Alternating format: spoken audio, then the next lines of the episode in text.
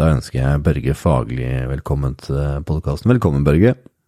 Tusen takk. Jeg tenkte vi kunne snakke litt om eh, inspirasjon i hverdagen i dag, ja. for det er noe som eh, jeg er veldig opptatt av om dagen.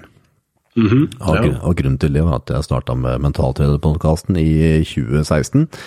Fordi jeg ville dele mentalteknikker med andre. Og mm. i fjor sommer så jeg vet ikke, jeg nevnte det her for deg før, Børge, så var jeg jo i Risør på fjorden og så på alt som mikroplast. Ja. Og i den forbindelse så, så ble jeg litt forskrekka hvor gærent det var, da. Så da har jeg akkurat lansert en ny podkastserie som heter Hva er bærekraft? Og jeg merker at det der, der det gir meg inspirasjon i hverdagen, for bærekraft i seg selv syns jeg var et utrolig kjedelig begrep i utgangspunktet. Men jeg fant at det handla liksom om både korrupsjon og miljø og hvitevasking og hva det måtte være. Så fant jeg at det var superspennende, og sånne ting gir meg veldig mye inspirasjon i hverdagen. Og jeg tror det er veldig mange som går rundt i dag og ikke finner hva som inspirerer. Så jeg tenkte vi kunne snakke litt om hva som inspirerer deg, og hvordan du finner inspirasjon og osv. Det hadde jo eh, faktisk vært en periode for meg med litt mangel på inspirasjon. Så det var egentlig perfekt tidspunkt det her, da? Ja, så det var jo egentlig et veldig bra, bra timing sånn sett. Fordi det, det er noe jeg faktisk har eh, ja, skal man si jobba med. For det blir Min oppfatning er jo at hvis, hvis, du streber etter motivasjon, så er den fryktelig vanskelig å få tak i. ja. Så, så, da blir det litt sånn at du, du jobber mot det sjøl, da. Du går litt motstrøms. Eh, så inspirasjonen for meg har i hvert fall uh, gjennom hele mitt liv handla om uh, da å kunne få utvikle seg um, og lære. Jeg leser akkurat nå Dave Aspreys siste bok, som jeg syns er, veldig bra. Er bra. Um, Dave Asprey er den som kom opp med Bulletproof Coffee. Ja, det, det, var faktisk, det var faktisk ikke han, vet du. Det var han. Nei, det var, ikke, det var kanskje ikke han. Det Nei, var ikke når de er populær. Ja. ja. Det var han der som uh, skrev en av de første Keto-bøkene.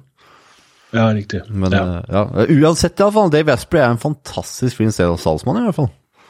Ja, det skal han ha. Altså, jeg syns jo han på mange måter også er inspirerende, fordi hans greie er jo eh, liksom hvordan vi skal bli bedre som mennesker. da. At mm. I stedet for å anta en sånn statisk eh, eh, posisjon der vi liksom, etter mye mening går litt i offer. da. Mm. Det er sånn buhu, universet eller genetikken er urettferdig, ja. som gjør at livet mitt er som det er, og at kroppen min er som den er. For da får du den der, eh, den der såkalte eksterne lokusen av kontroll, der du um, overgir det til omstendighetene. Altså Den interne lokus av kontroll er jo den der du tar ansvar for uh, hva som skjer med deg. Absolutt alt tar du ansvar for, faktisk. Og da er det jo ekstremt mange interessante ting som kan skje. da.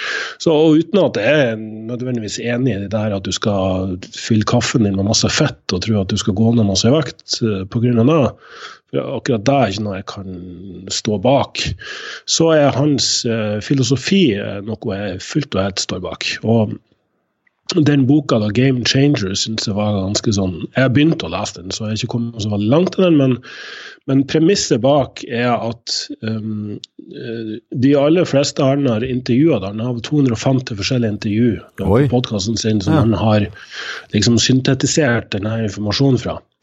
Um, og, og, ser fellestrekkene i hva er det som, som gjør at ledere og innovatorer og, og de som er best på noe, er så gode som de er, da? Hva, hva gjør at de er der de er? Og da, da, Fellestemaet er at alle forsøker å bli smartere, raskere eller um, Å, herregud.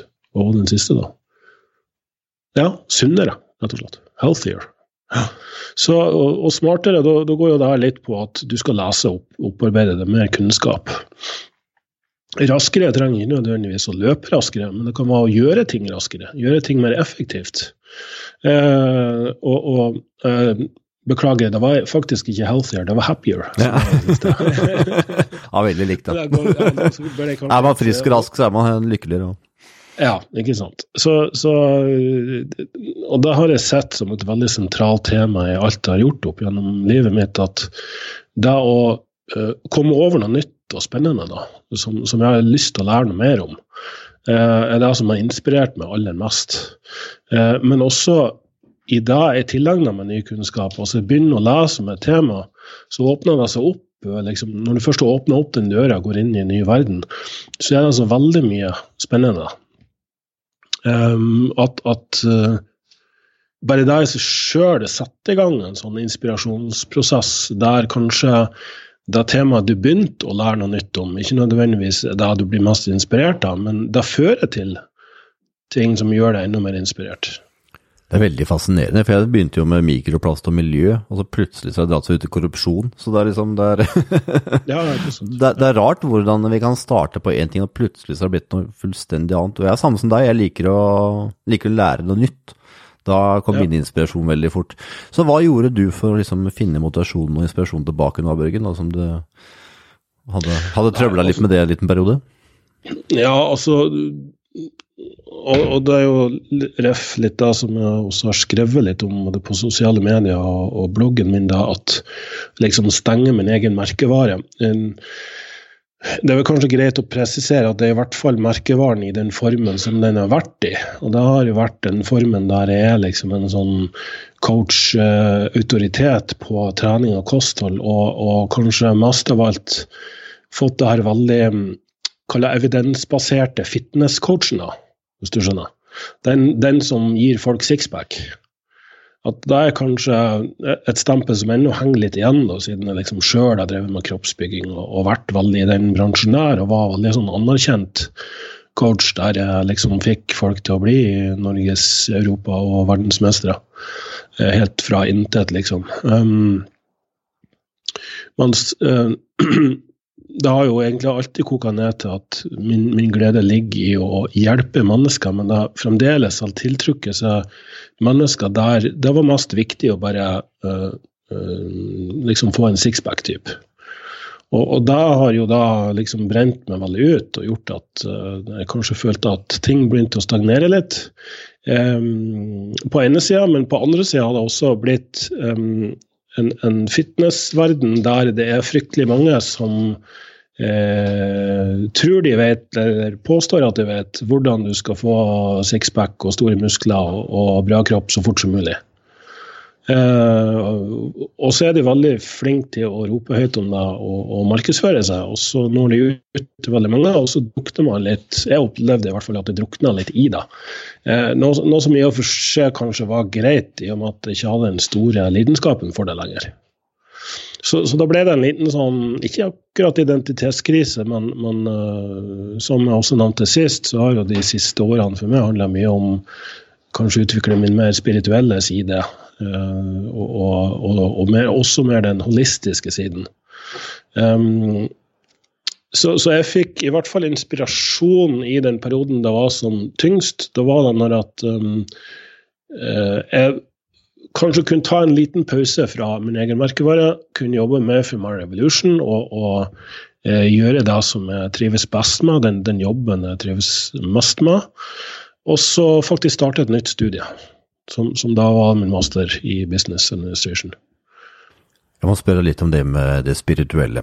For jeg må ærlig innrømme at uh, hadde du sagt det til meg for uh, fire måneder siden, så hadde jeg tenkt dette, er litt, far out. Men så har det vært noen opplevelser i, i livet da, som har gjort at jeg kanskje har blitt litt mer åpen for å høre om det, i alle fall. Og finne litt mer mm. uh, interessant og er litt nysgjerrig på det. Og jeg tror mange som hører også, enten så tenker som så at det får noe svar der, så tenker dette er interessant. Ja. Så jeg går til den som syns det er interessant-delen, ja. Og hva er det du jeg må spørre deg først, Hva måtte du trosse, av, hvis du måtte det, av egne tanker for å starte på den veien i det hele tatt? Eh, den ganske sterkt utvikla logiske delen av meg som skal ha en vitenskapelig forklaring. Ja, det var det jeg tenkte på. ja. Eh, for det er jo den som omtrent har båret meg gjennom hele livet. Da, å liksom lese og tilegne meg kunnskap. uh, uh, ja, egentlig via andres oppfatning av verden. For det er jo da det er forskning og, og, og kunnskap man finner. Det er jo andres filtrerte virkelighet. Oppfatning av et eller annet område. Mens jeg har jo også gjennom mange år jeg, jeg har, i, en, I jobben med mennesker så er det innimellom at du må legge kunnskapen på hylla. Ikke bare innimellom, men veldig ofte.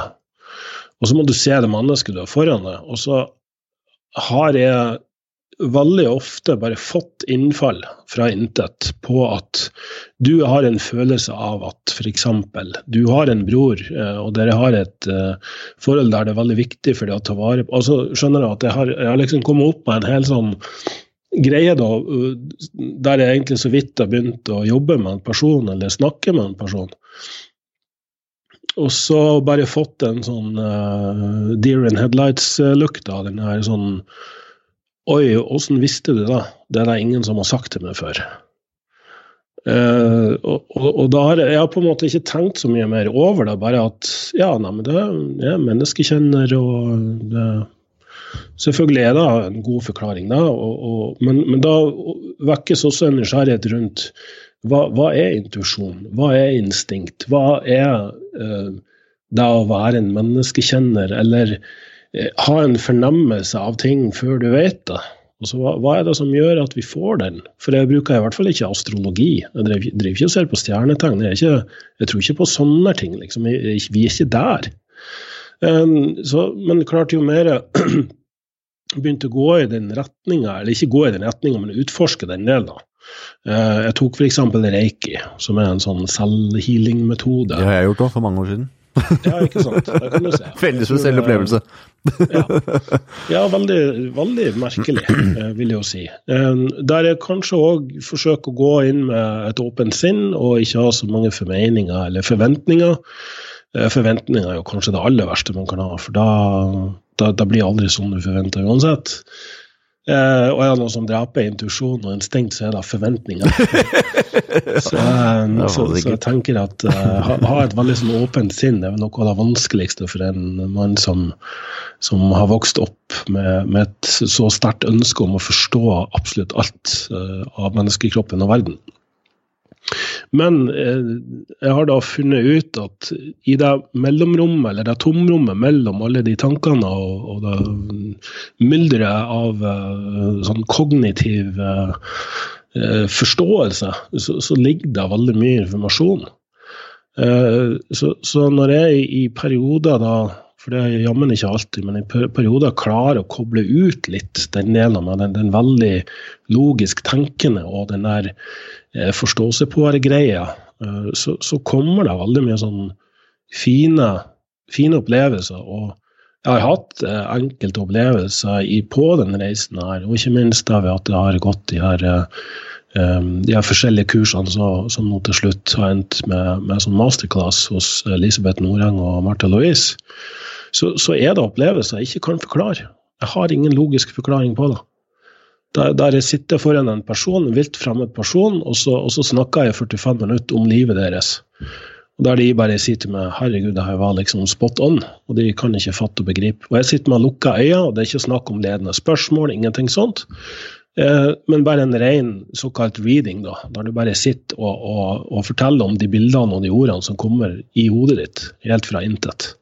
Jeg har ingen logisk forklaring på det. Eh, og vi blir også opplært til å ikke eh, prøve å tolke og forstå det for mye. Så, så, men det, det, har vært en veldig sånn mind-blowing greie.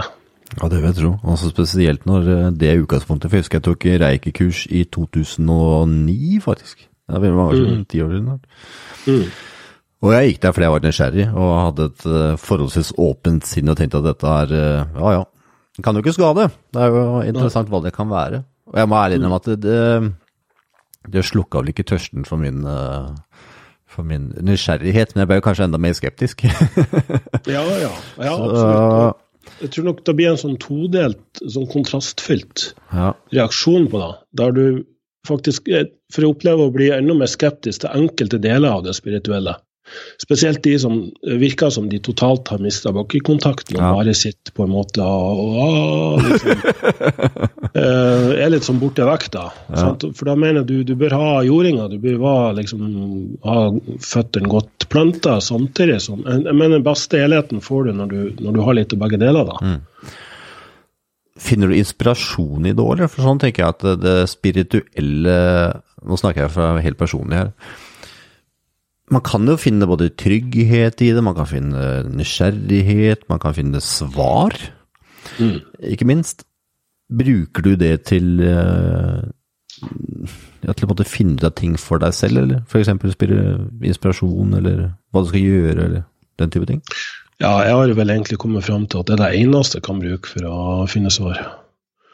Uh, rett og slett fordi uh, når jeg har forsøkt å gruble meg fram til det, så, så har det ført meg på, på ville veier. Uh, det har gitt de, de, mest negative utfallene i livet mitt så langt, så, så det er en slags sånn learning by doing-erfaring. på, på, godt og vondt. Og, og, det slår meg også at um, For det, de, de, har jo fått mye sånn negativ oppmerksomhet i media, og sånn. Um, og, og, man får kanskje inntrykk av at her, her sitter liksom en gjeng med damer og iført eh, liksom sånn yogatights og, og, og palestinaskjerf og ja, svave, svave en halvmeter over gulvet. Hva? Er det ikke det, eller? Nei, vet du, det er veldig langt fra sannheten. Det er jo, Jeg ser jo på både Elisabeth og Martha som, som uh, stødige, solide, smarte, intelligente, oppegående, veldig flotte damer. Uh, som, som, er veldig sånn, medmenneskelig og, og, har mye varme. Men, men også veldig sånn um, Både kan være businessaktig, kan være veldig sånn uh, rett på sak, kan være direkte, kan si det du trenger å høre, ikke det du vil høre osv. Men altså, det her rommet er jo fylt med Jeg er jo utdanna psykolog, jeg er overlege ved et anerkjent sykehus. Mm. Um, advokat vi har en som er planlegger i Bymiljøetaten. Har, altså du skjønner, Det er fra alle walks of life her. Som sikkert har kjent på den samme ensomheten, da, fordi det oppleves veldig ensomt å, eh, å sitte i sin egen boble, sin egen virkelighet. Og, og, og, og ha den følelsen av stagnasjon og mangel på inspirasjon. Eh, og, og, når livet går litt ekstra trått. Og det er jo gjerne da at folk oppsøker det religiøse, f.eks. Og jeg ser jo på spiritualitet og religiøsitet som eh, et slags del av samme Rubiks kube, da, eller hva man skal si. Eh, det, det, det, det, er kanskje to ulike formater på, på, samme ønske om å tilhøre noe større. Eller tro, tro på noe større enn seg sjøl. Ja, samtidig har noe som er konkrete svar på noe vi ikke kan forklare, tror jeg. Ja, ikke sant. Vi mennesker er vel sånn at vi blir vel litt eh, Vi kan frykte det vi ikke vet. Og når vi endelig finner på en måte et svar, ok, ja, da vet jeg det er sånn. Ja, ok, da er vi beroliga med det. ja, og nå, nå har jo den automatiske reaksjonen at, at de bare blokker det helt ut, da og ignorerer det, eller rister på hodet, eller liksom til og med gjør narr av de som, som er spirituelle. Eh, og da er det jo holdt på å si, da er det såpass jorda at du har mistet helt kontakten med liksom, det som er over oss. Uh, så, så, jeg tror at hvis du ignorerer det aspektet totalt, så, så blir du heller ikke komplett som menneske. Så, så jeg tenker at ha elementer av begge deler er veldig sunt. Du trenger ikke å bli helt sånn superreligiøs, spirituell, der du som sagt bare sitter og mediterer eller går rundt og skal ha alle til å tilbe Jesus, eh, et eller annet sånt. Ja, for det kan bli litt sånn too much igjen. Møte på døra hos folk og, og liksom være veldig sånn påtrengende. Da tenker jeg at da, da har du ikke helt skjønt greia heller, da. Men, men, det her med å ha mer den forståelsen for at um, ok, her er jeg som menneske, som individ. Det her er virkeligheten rundt meg, de nærmeste. Så har vi verden, og så har vi universet, og så har vi kanskje ting vi fornemmer, eh, som vi fornemmer, men som vi ikke helt kan forklare eller forstå. Men jeg tror det er veldig lurt å ha en, en åpning for det, en, en, slags sånn, eh, kanal der du kan laste ned eller motta informasjon. Hva var tanken du hadde før når noen fortalte om akkurat det her? Var det vel første tanken du fikk når du hørte at eh, Martha Louise eh, engleskole eller andre alternative ting var hva tenkte du da? Nei, Den gang da så var jeg nok veldig sånn skeptisk. Um, jeg var ikke helt sånn, sånn totalt avfeide da. Det gjorde jeg ikke. Uh, både også fordi jeg har hatt uh, og liksom har hatt uh, i, folk i familien min som har, har klarsynthet, f.eks. Um, så jeg tenkte kanskje at det her englegreiene ble litt for mye. For da er det kanskje litt for mye inne på det mer religiøse aspektet igjen. Men, men, nå når jeg liksom har gått det der kurset, så har jeg jo forstått hva egentlig, at det handler mye mer om symbolikk. da. At det ikke nødvendigvis engler med, med liksom de vingene og, og, sånn som vi ser for oss det her i Bibelen eller på malerier og sånn. Men at det er energier. Det er liksom eh, ja. bare en måte å på en måte kategorisere ting på. da. Det, det er litt mer den oppfatninga jeg får av det. Så det toner ned litt av uh, det, selve det engleaspektet. Det er derfor det ikke heter Engleskolen lenger heller. Og Hva heter det? Nei, Det heter jo Soulspring. Mm. Hvis du skulle brukt din eh, logiske del til å finne inspirasjon når eh, ting går trått, og du kjenner at nå er det tomt, hva mm. ville du gjort da? Eller hva ville du anbefalt noen å gjøre? Ja, mine anbefalinger er rett og slett å, å gå utenfor din komfortsone og, og være nybegynner i et eller annet. Da er det tipset som har fungert desidert best for meg sjøl og for mange av de kundene mine som, som sliter litt. da. Eh, F.eks. noen som, som ja, bare rett og slett ikke får det til på, på gymmet. da. De, med, de, har drevet med styrketrening i mange år, og det går tungt og trått. og Uansett hva de prøver, så, så, er det bare nei, De bare mister motivasjonen hele tida. Og det er sånn Ok, men det er jo ikke sikkert at du er nødt til å trene styrketrening, f.eks. Det kan hende andre ting som, som er bedre. Ja, men de ser liksom ikke helt for seg at verken det er saltimene eller altså, Men så tenker jeg, men, men, hva med å tenke litt sånn utradisjonelt? Altså Sjøl så prøvde jeg meg f.eks. på bueskyting, og altså jeg var ja, innom litt forskjellige ting, da. Uh, bare for å teste ut. Og så Kanskje ikke da var den store greia, da, men, men brått så møter du nye folk som kanskje de kan inspirere deg. Um, og, og, da å være i en utviklings- læringsprosess er i seg sjøl veldig inspirerende, fordi da føler du at du beveger deg framover i stedet for å stå stagnert. Mm. Og ikke minst så føler man jo mer mestring av det òg, for man starter på en måte ofte på en nivå man ikke kan noen ting som helst, og da kommer mestringen mye raskere og mer intens mm. enn det den gjør når man kan alt fra før. Ja, ja. Man føler at man kan det meste fra før.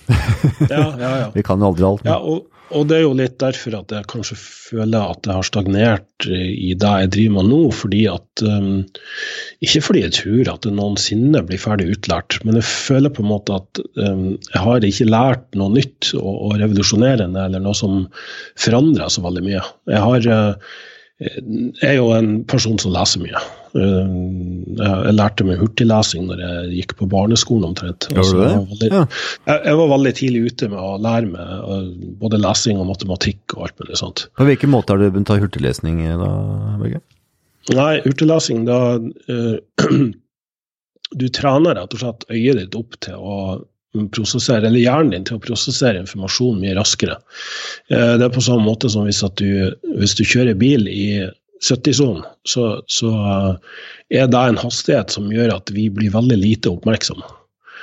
Eh, og det er, egentlig, eh, det er flere trafikkulykker som, som, gjerne skjer i sånne hastigheter der folk kan sovne bak rattet osv. Når du speeder opp og ting går mye raskere, så blir du mye mer fokusert. Det er sånn Med en gang du kommer ut på motorveien og ting går mye raskere, 110-120 mm. liksom. Mm. Uh, prøv å kjøre på den tyske autobanen, og, og altså du, du, du, blir veldig fokusert når ting går mye raskere. Selvfølgelig, Hvis en dag bare går rett fram i uh, milevis, så, så mister du uh, konsentrasjonen igjen. Men, eller kan bli litt trøtt igjen. Men det fungerer litt på samme måte med lesing. Hvis du pusher deg sjøl til å lese mye raskere, så, så vil du bli overraska over at du etter hvert oppfatter mer og er mer fokusert enn du er hvis du leser i normal hastighet. Jeg vet ikke om du gjør sånn som eh, det jeg gjør, men jeg må spørre deg det. Sånn som i alle fall jeg gjør, så skummer jeg veldig mye. Det er veldig mm. mye sånn, jeg kaller det for skumlesing. Jeg får med essensen, men det er, det er, på en måte en form for skumming. så hvor, ja. hvordan er det du gjør? Ja, det, du må gjerne kalle det skumlesing. Um, du, du kan bruke mangler bedre ord? Ja, du kan bruke ulike teknikker der du f.eks. bruker en finger, sånn at du følger fingeren din og leser ordene på midten av ei linje, f.eks. Og så lar du perifersynet ditt fange opp de, altså resten av setninga. Det fungerer faktisk utrolig bra. Nå finnes det jo også apper som gjør det her for deg, som, liksom, serverer det, ja, som serverer det liksom um, ord i en i, um, eller setninger, da, i, i, et visst format. Sånn at uh, den, den, tar seg av hurtiglesinga for deg. Du bare stirrer på skjermen, på en måte. Oh, ja. Husker du en app som uh, gjør det, eller? Uh, jeg husker ikke noe i farta hva det heter, men det er bare å google ja. speed reading apps, liksom, så får du det opp. Og det er selvfølgelig mange online-kurs og alt mulig der du kan lese der, men, men det var på en måte bare noe jeg hva skal man si, pusha meg sjøl til å gjøre, det, sånn at jeg kunne komme gjennom informasjonen mye raskere. Og, og det har nok også gjort at eh, hjelmen etter hvert har en trivselshastighet som er mye høyere. Eh, hvis jeg skal høre på en podkast, så må jeg høre den på dobbel hastighet. Jeg syns alle snakker så tregt. Ja, det gjør det. Det er mange som gjør det. ja, altså, det, det, det, blir en sånn snål greie. Det, det, er selvfølgelig ikke sånn jeg gjør når jeg skal lese uh, typ Lord of the Rings. da. Ja. Du kan ikke speedrate uh, Lord of the Rings, for, for da Eh, da leste du på en sånn måte at du skal se for deg masse bilder mm. og, og, og, liksom se for deg historien i hodet. Mm. Og, og da, da, blir det veldig snart hvis du prøver å, å hurtiglese det gjennom det. Men informasjon kan man tilegne seg mye raskere med, mm. med speedreading. Så tilbake til det opprinnelige poenget var at um, når jeg da kjøpte nok ei bok om kosthold, eller nok ei bok om trening, og leste den og følte at det her har jeg lest før, det her kan jeg, det her har jeg hørt om eller lest om tidligere, så, så kom, kom, det bare til et punkt, og, og liksom jeg følger med på alle de her um, research reviews og uh, journalene og alt mulig, og får de nyeste studiene når de kommer. og det er sånn det var liksom aldri noe nytt. Det var aldri noe som fundamentalt forandra noen ting. Det ga små detaljer her og der. Så, så eh, liksom i, i, frykt for å, for å virke arrogant, så, altså jeg vil si i all ydmykhet, så, så, følte jeg på en måte at det var ikke så mye mer å lære om eh, det, det fysiologiske rundt liksom, kosthold, trening. Det, det ble mer eh, ekstremt mye mer basert på vår eh, mentale innstilling til hva vi holder på med. Jeg syns ikke jeg er arrogant i det hele tatt, for jeg føler litt det samme når det gjelder det mentale. Nå er jeg på ingen måte noen psykolog, men akkurat når gjelder teknikker og tankesett og sånn, når du på en måte har intervjua nok mennesker over lang tid og lest nok, så blir det sånn Det er ikke noe revolusjonerende nytt som kommer, det kommer alltid noen sånne småting, men eh, på et eller annet tidspunkt så blir det sånn at du Ja, jeg føler med deg, Børge. Det er spennende ja. å finne ut av andre ting også.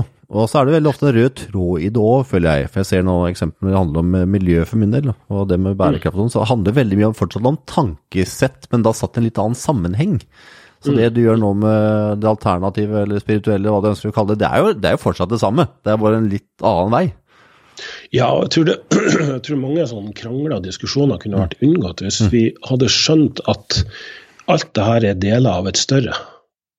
Sant? Det er ikke sånn at det ene ekskluderer det andre. For jeg var litt sånn Ok, jeg skal helt slutte med kosthold og trening nå, for å liksom satse på noe helt annet.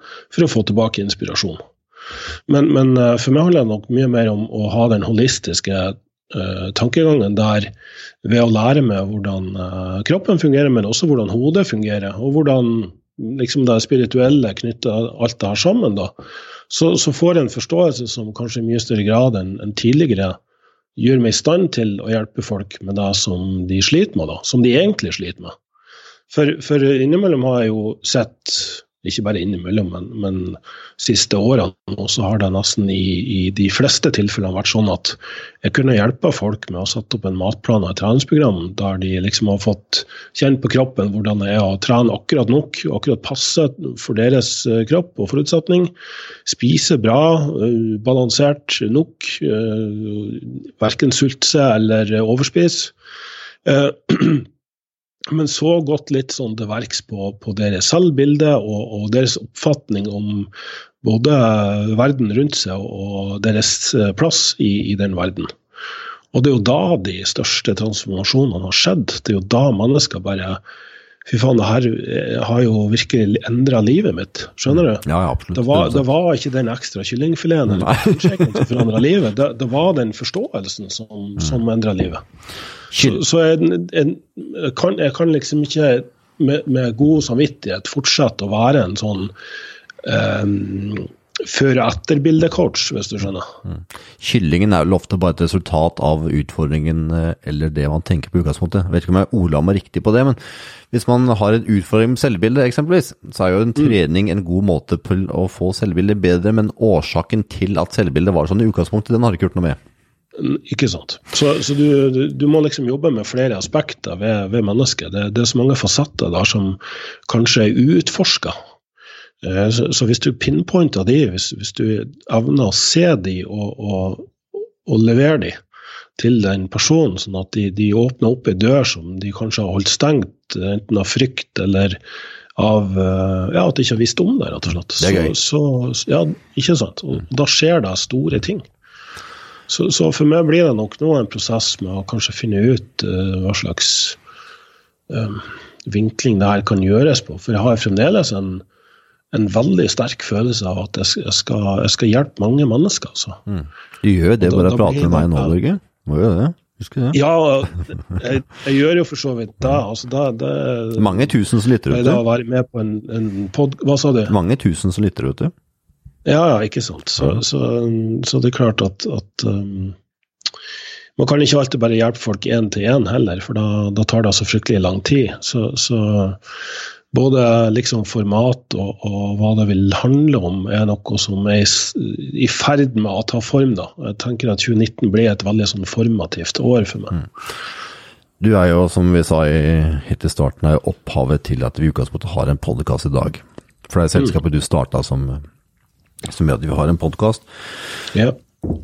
Og jeg husker jeg begynte å følge på noe som heter uh, The Joe Rogan Podcast i 2009,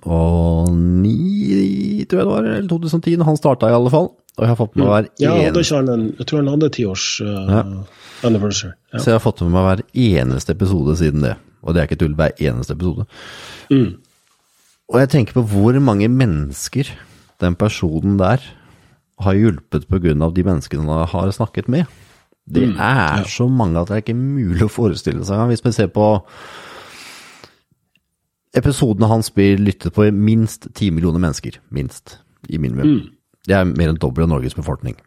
Ja, ikke sant. Og så kan man si at det er kanskje 10 da, av de blir motivert til å gjøre et eller annet å gjøre noe med seg selv. Det er mange mm. mennesker, altså. Så hvis vi nå tenker på det i litt mindre skala her, Børge, så er det mange mennesker som kan bli på, påvirka og samtidig bli inspirert og motivert av det du forteller, om det er til det spirituelle eller til det andre. Så man skal ikke, man skal ikke undergrave betydningen av å høre andres mennesker og, og, hvordan de opplever ting i hverdagen og, og i livet. Mm.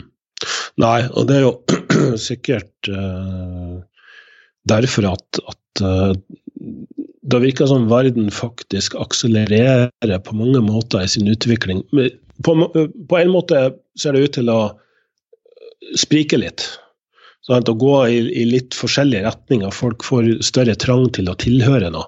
Du får sånn veldig sånn ekstreme eh, personer da, som skal ja, f.eks. kun spise planter eller kun spise kjøtt. Typ. Eller de som får oppmerksomhet. Ja, ikke sant. Uh, og, det syns jeg jo er litt, litt, trist at det må bli sånn, da. Fordi da kanskje frastøter folk som kunne ha trengt forståelse uh, eller, eller, hjelp. Uh, men, men, samtidig ser jeg at det her med at man kan dele informasjon via en podkast, og, og um, at både podkaster og blogger generelt får mye større påvirkningskraft nå enn, enn det noensinne har hatt. Og, og faktisk at at media ellers har fått mindre påvirkningskraft. Så det er en veldig sånn interessant utvikling. Og det er min tanke rundt å produsere og lede den podkasten her, i hvert fall, er at man skal ikke nesten drive og bare snakke om kosttilskudd. Jeg liker å ha samtaler om det, det man har opplevd i, opplevd i livet, blant annet. Sånn som vi snakker om mm. der du mista inspirasjon og valgte å finne litt spiritualitet. Mm. Jeg liker de samtalene rundt de samtalene man normalt sett ikke har. Mm. For det er der jeg føler at det Nummer én, jeg liker å lære, ja, så jeg, jeg lærer noe av det. Men nummer to, så finner jeg noe Jeg finner noe nytt spennende i det. Ja. For hadde det vært ja. det samme, så hadde det blitt kjedelig. Vet ikke, vet ikke om ja, det ble noe sens. For meg var det jo utrolig. Jeg ble jo ført inn på det kurset vi er venninner med, som jeg anser for å være eh, oppegående, smart, intelligent og hadde en høyst ordinær jobb, men som bare begynte å fortelle at nå liksom har lært om reading da, og drev med reading, og ga med reading, som jeg bare fikk en skikkelig mindblowing Hva gjorde det, eller? Ja, og bare sa ting til meg om, om uh, fortida mi og, og nåtida mi, og som, som bare Som man, kan tolke, helt, som man kan tolke seg til, eller som er spot on? Nei, det, det var spot on. Du, du, kan ikke tolke de tingene sa, blant annet ting som skjedde. skjedde Hører skeptikeren bare ja, ja, selvfølgelig. Men det var, jo, det var, jo, jeg også. Jeg var jo villig til å gi det her en sjanse. Ja. Når hun, hun snakka i detalj om en opplevelse jeg hadde når jeg f.eks. var fire år gammel eller fem år gammel, der jeg må dobbeltsjekke med mamma Ja, Uten å spørre spørsmål først, eller? Nei, det, reading er helt blank. Du, du, får kanskje si et tema du vil skal se på, eller så sier du bare, bare si hva som kommer, du. Og da eh, Den beste readinga, i hvert fall for meg, da, når jeg utfører det, det, den, ja, det er når de holder helt kjeft. Det er når de ikke sier noen ting. Um, vi, vi, skal ha minst mulig validering eller feedback på, på, at det her er riktig, eller noe sånt. For du skal ikke ha noen mulighet til å bli um, pense inn på da, hvis du skjønner. Er du ferdig med ja. Nei, jeg har ei eh, sånn kursuke igjen, eller fysisk samlingsuke igjen. Når du er ferdig, Børge, da må ja. vi nesten ta en sånn eh, reading på, på, på lufta, vi må ikke det? Uh, ja, skeptisk. Det får vi se på. Er, jeg vil egentlig si at en sånn reading er en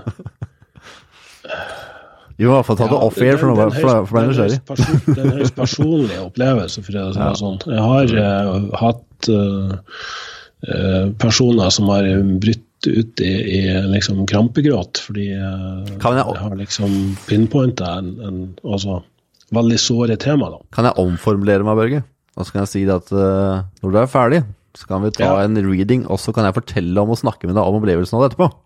Ja, jeg tror det blir mye ja. bedre. uh, for alle parter så tror jeg det er mye bedre. Ja, jeg, jeg ser den. Jeg ser den. Ja. Jeg syns det her var eh, spennende som vanlig. Jeg Børge, det førte helt andre retninger enn det jeg tenkte i utgangspunktet, og det er det jeg liker. Jeg liker når det ikke er struktur.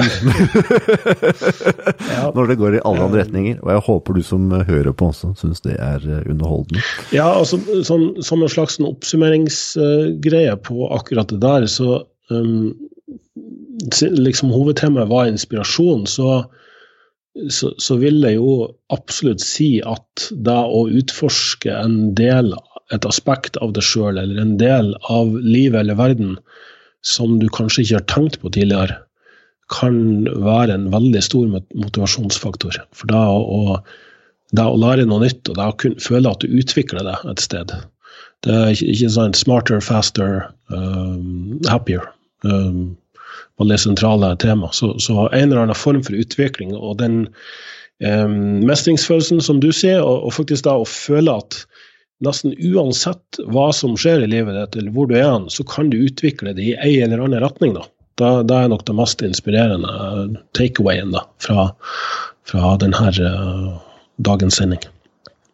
Og hvis du som lytter ønsker å komme med noe temaforslag eller noe annet innspill til en ny samtale med Børge, så send den til podcast at myrevolution.no.